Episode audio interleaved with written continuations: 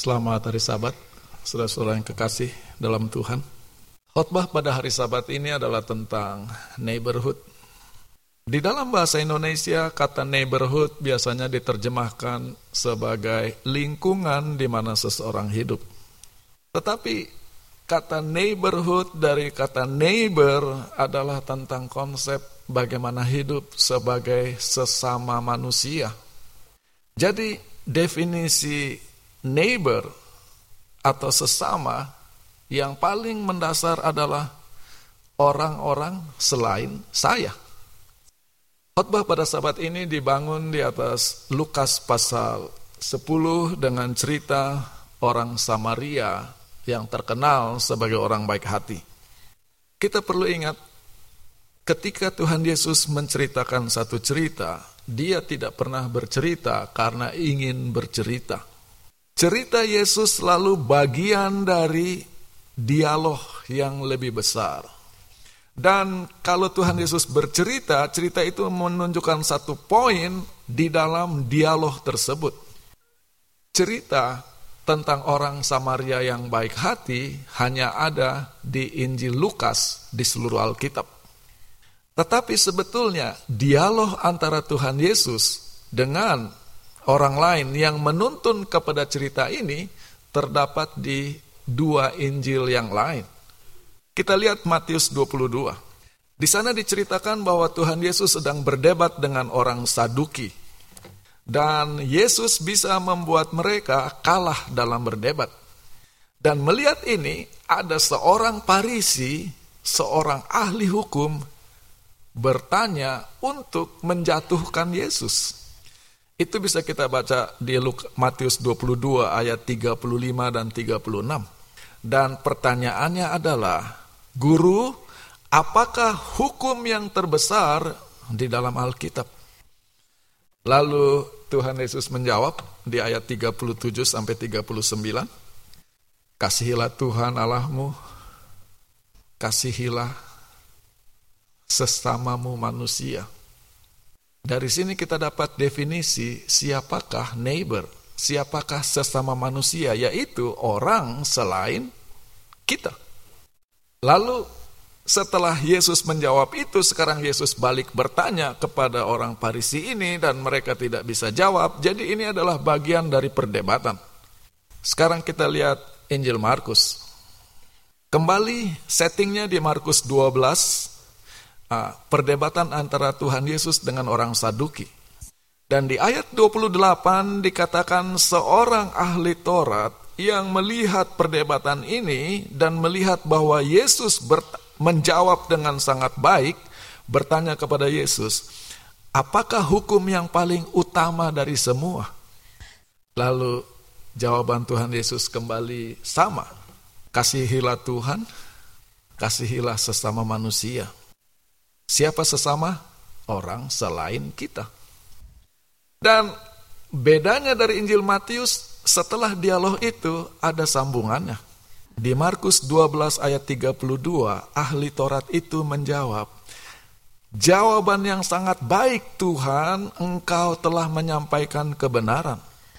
Dan Yesus menjawab, engkau tidak jauh dari kerajaan sorga. Jadi dialog ini berakhir positif bahwa yang bertanya tidak jauh dari kerajaan Allah. Sekarang kita datang ke Injil Lukas. Lukas punya versi agak berbeda daripada Matius dan Markus.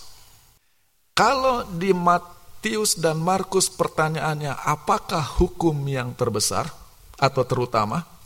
Di Lukas pertanyaannya Apakah yang harus kulakukan untuk memperoleh hidup kekal?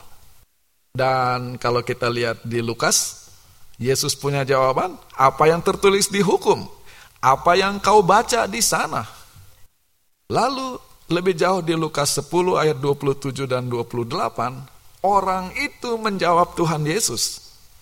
Jadi kalau di Matius dan Markus, Yesus yang menjawab, Yesus yang mengucapkan, di Lukas yang bertanya, yang mengucapkan, kasihilah Tuhan dan kasihilah sesamamu manusia.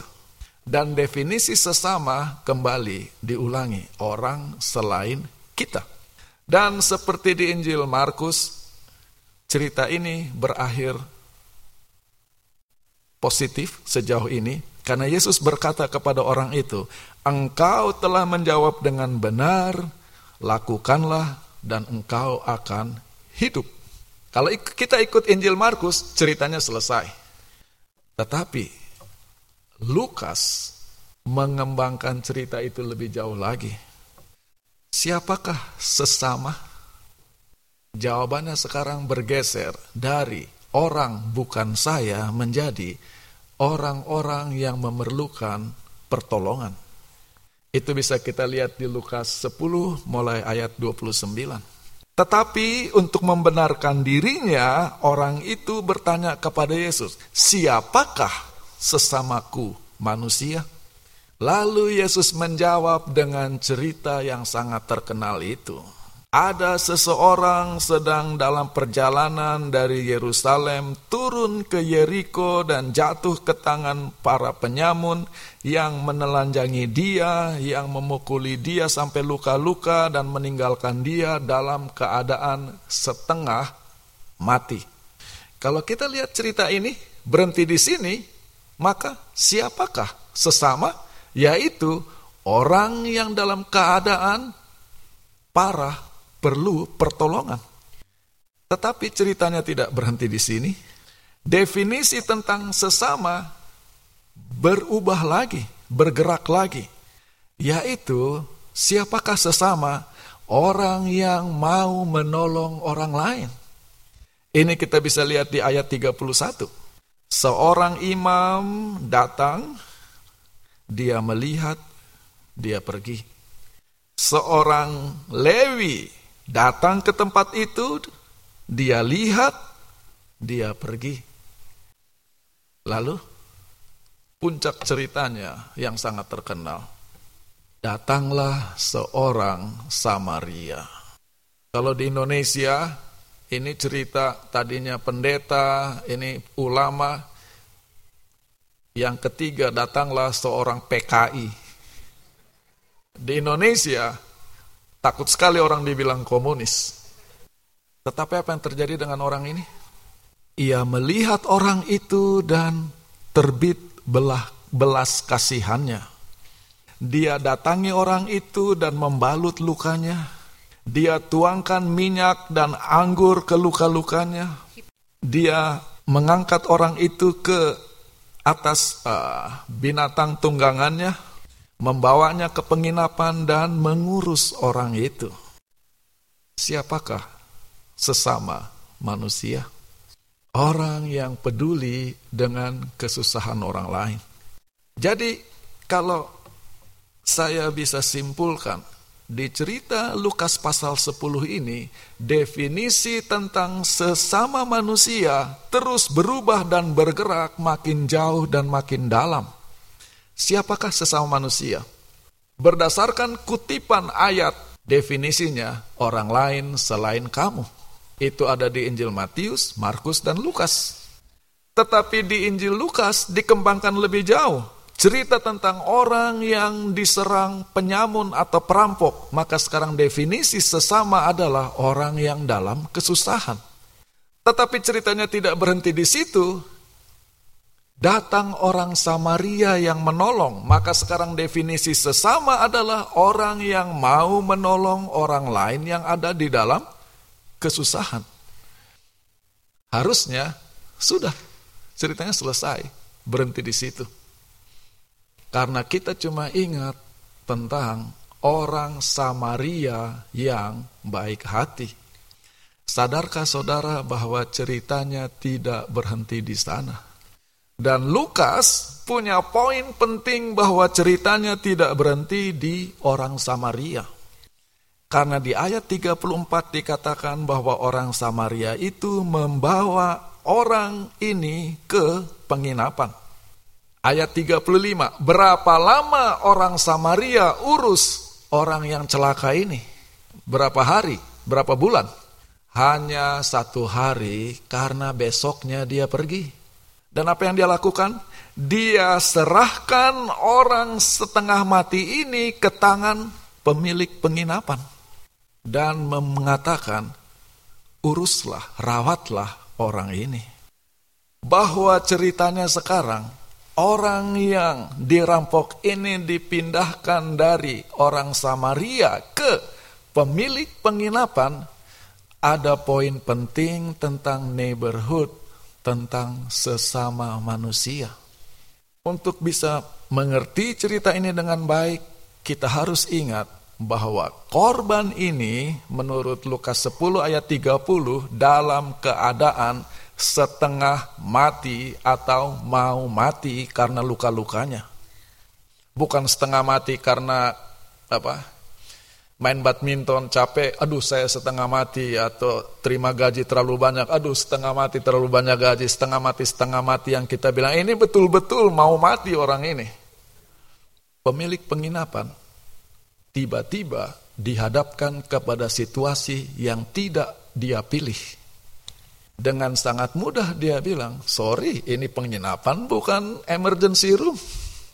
Saya sibuk, saya banyak urusan. Tetapi dalam cerita ini dikatakan bahwa orang ini menerima orang yang dalam keadaan celaka tadi. Kenapa pemilik penginapan mau terima orang itu? Oke. Kalau saya orang jahat, ini yang saya bikin. Oke, dikasih dua dinar, saya terima orang itu. Lalu, setelah orang Samaria itu pergi, orang sakit ini saya usir. Atau saya biarkan orang itu, tidak urus. Nanti beberapa minggu atau bulan kemudian orang Samaria itu kembali kan. Lalu saya akan bilang begini, kamu tahu Dua dinar tidak cukup. Saya urus dia, saya keluarkan seratus dinar. Kamu harus bayar saya. Saya keluarkan seratus dinar, urus orang itu, tetap mati orangnya. Tapi kamu tetap bayar saya. Orang Samaria kan nggak tahu kan kalau orang ini ke mana. Yang penting saya bisa bikin uang dari situasi ini. Pemilik penginapan menerima orang itu dan merawat orang itu. Betul, Orang Samaria itu kasih dua dinar sama orang ini. Dan orang Samaria ini tahu bahwa biaya mengurus orang sakit ini jauh lebih mahal dari dua dinar. Itulah sebabnya dia katakan sisanya saya bayar kalau saya kembali. Dari mana saya tahu orang Samaria itu akan kembali? Mungkin dia tidak pernah kembali, saya sudah urus orang ini, rugi di saya. Mungkin orang Samaria itu betul-betul mau kembali. Tetapi mungkin dia jatuh ke tangan penyamun yang sama dan babak belur dan mati di sana. Tidak pernah kembali. Jadi sebetulnya ketika pemilik penginapan menerima orang ini dan merawat orang ini, dia mau berkorban. Dan ingat yang diurus adalah orang yang penuh dengan luka-luka parah Perbannya harus diganti setiap hari. Harus disuap setiap hari. Setengah mati. Berapa cepat orang setengah mati sembuh.